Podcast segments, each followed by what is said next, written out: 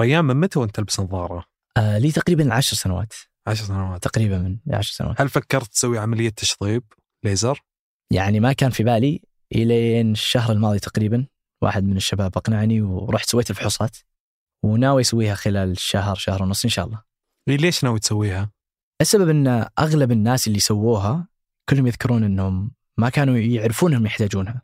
يعني دائما الناس يذكرون إنهم يتضايقون من النظارات بس فعليا أنا ما ما أحس اني متضايق من النظارات لكن كل اللي سووها كانوا يقولون يعني بوقت ما تفك النظارة بتستوعب قديش كانت مزعجة. هي يا أخي حتى أنا أنا ما إلى الآن ما أحس إني أحتاجها ما تضايقني فعلا. وكم عمرك تلبسها؟ يعني ما تقريبا 10 11 سنة فخلينا نشوف إذا أنت سويت عمليتك إن شاء الله بالسلامة عطنا التقرير. بإذن الله.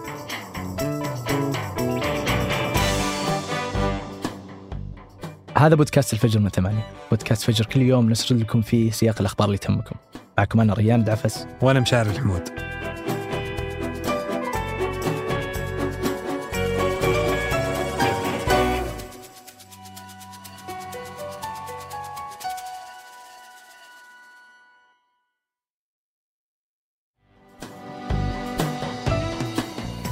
من أكثر من مية سنة والعالم يشهد نقاش موسع عن موضوع تغير المناخ. وفي الثمانينات والتسعينات صار في توسع بالدراسات والأبحاث المتعلقة بالموضوع. وبآخر 30 سنة زاد الاهتمام العالمي بالقضية خصوصا بعد ما أظهر علماء المناخ أن البشر مسؤولين عن كل ارتفاع الحرارة العالمية في آخر 200 سنة. واللي بسببه صار متوسط درجة حرارة سطح الأرض الحين تقريبا أكثر بدرجة مئوية مقارنة بما كان قبل الثورة الصناعية. أما السنوات العشر الماضية يعني تقريبا في الفترة بين 2011 إلى 2020 كانت هي الأكثر حرارة على الإطلاق. ويعتقد الكثير من الناس أن التغير في المناخ يعني ارتفاع درجة الحرارة بس. لكن ارتفاع درجة الحرارة هو بداية القصة فقط. لأن التغيرات المناخية مش محصورة على هالشيء بس لكن تمتد المشاكل أكبر راح تهدد كل النظام البيئي والصحي. فالعلماء يتنبؤون بانتشار أمراض جديدة وخطيرة تهدد البشرية بسبب الكوارث الطبيعية اللي سببها تغير المناخ. في هالأسبوع نشرت صحيفة واشنطن بوست تقرير قالت فيه أن الدول اللي تواجه حرارة شديدة راح تشهد انتشار أمراض بسرعة أكبر وأن درجات الحرارة راح تساعد في انتشار أمراض جديدة غير مسبوقة في آسيا وخصوصا في الشرق الأوسط. ونفهم من كلمة تغير المناخ بأنها التحولات الكبيرة اللي تشهدها درجات الحرارة والطقس في عالمنا اليوم. واللي سببها الأساسي هو استهلاك الوقود الأحفوري زي الفحم والنفط والغاز ومنه ينتج انبعاث غازات الاحتباس الحراري فتحبس حرارة الشمس وترفع درجات الحرارة. وتشمل غازات ثاني أكسيد الكربون والميثان اللي مصدرها استخدام بنزين السيارات. ويشهد العالم بالسنوات الأخيرة كميات ضخمة من ثاني أكسيد الكربون سنوياً. ولهذا السبب كانت السنوات الأربعة الماضية أكثر الفترات اللي شهد فيها العالم ارتفاع في درجات الحرارة. وبحسب تقرير المنظمة العالمية للأرصاد الجوية إذا استمر الوضع بهذه الوتيرة فحرارة الكوكب ممكن ترتفع ثلاث درجات مئوية بعد 80 سنة من الحين. وهو الشيء اللي ممكن يدمر النظام البيئي بالكامل. فالجليد في المناطق القطبية والمناطق الجبلية راح تذوب بشكل أسرع. وهو الشيء اللي راح يرفع من مستويات سطح البحر.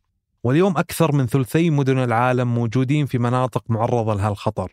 وإذا ما صار أي تغيير جذري في الوضع راح تغرق مدن كثيرة مثل نيويورك شنغهاي وأبو ظبي وأوساكا وريو دي جانيرو بالكامل. وراح تمتد التأثيرات للوضع الصحي العالمي. فالتقارير تشير أن 58% من الأمراض المعدية المعروفة ممكن تزيد بسبب التغيرات المناخية خصوصا مع موجات الجفاف والفيضانات وموجات الحرارة الشديدة. فارتفاع درجات الحرارة راح يفتح الباب لبعض البكتيريا أنها تنتشر في مناطق جديدة وراح يتيح للحشرات الناقلة للأمراض أنها تنتقل وتتكاثر في بيئات جديدة. فالفيضانات اللي ضربت بعض المناطق في العالم مثل اللي شهدتها باكستان السنة اللي راحت ساعدت في إعادة تشكيل التوازن الميكروبي وساعدت بعض البكتيريا في أنها تنتقل إلى مناطق ثانية بالعالم ما كانت موجودة فيها. ويعتقد بعض الخبراء أن ارتفاع درجات الحرارة وتغير المناخ ممكن يضاعف من قدرة البكتيريا على تغيير جيناتها وبالتالي راح تظهر سلالات جديدة ممكن تكون أكثر تطور وأكثر خطورة. ويشير الخبراء أن الدول الأفريقية والآسيوية راح تشهد التهديد الأكبر من هذه التغييرات وراح تكون معرضة بشكل أكبر للفيروسات الجديدة في المستقبل إذا استمر الوضع.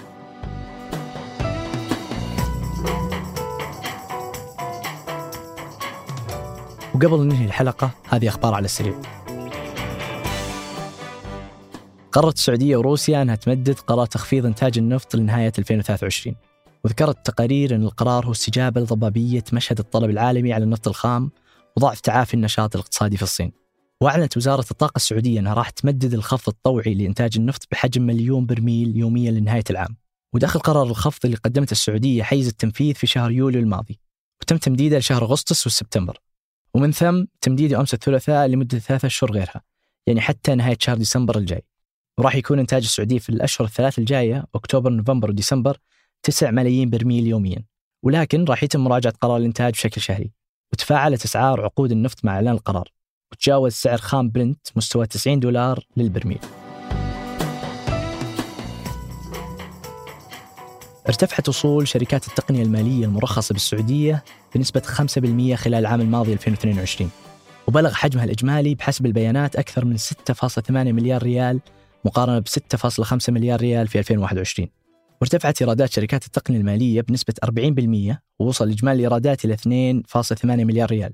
تزامن مع هذا النمو ارتفاع في عدد الشركات بنسبة 75% واللي وصل عددها 89 شركة مقابل 51 شركة في 2021 وارتفع عدد العملاء الأفراد المسجلين في المحافظ الإلكترونية إلى 13.8 مليون عميل مقابل 7.7 مليون عميل سابقا. وتستهدف السعودية أنها توصل ل 525 شركة بحلول 2030 مع توفير 18 ألف وظيفة 13.3 مليار ريال حجم مساهمة مباشرة في الناتج المحلي بقطاع التقنية المالية. أعلنت شركة GCL Technology Holdings الصينية وهي ثاني أكبر شركة لتصنيع البولي سيليكون في العالم أنها تجري محادثات متقدمة مع السعودية حتى تفتتح أول مصنع لها خارج الصين. وقال الرئيس التنفيذي أن الشركة متخصصة في تصنيع أحد أهم المكونات الرئيسية في الألواح الشمسية وتخطط أنها تبني أول مصنع خارجي لها في السعودية بحجم إنتاج يتجاوز 120 ألف طن سنويا. وذكر أن عمليات الشركة بالسعودية توقع أنها تبدأ في 2025 وأشارت الشركة أن السعودية تتمتع ببنية تحتية وخبرة متطورة في الصناعات التحويلية وأن وجودها في منطقة تتميز بوفرة ضوء الشمس راح يدعم تحولها من أكبر منتجة للنفط إلى منتجة رائدة للطاقة الشمسية.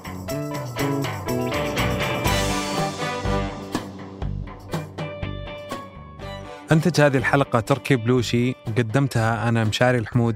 وأنا ريان دعفس وحررها محمود أبو ندى. نشوفكم بكرة الفجر.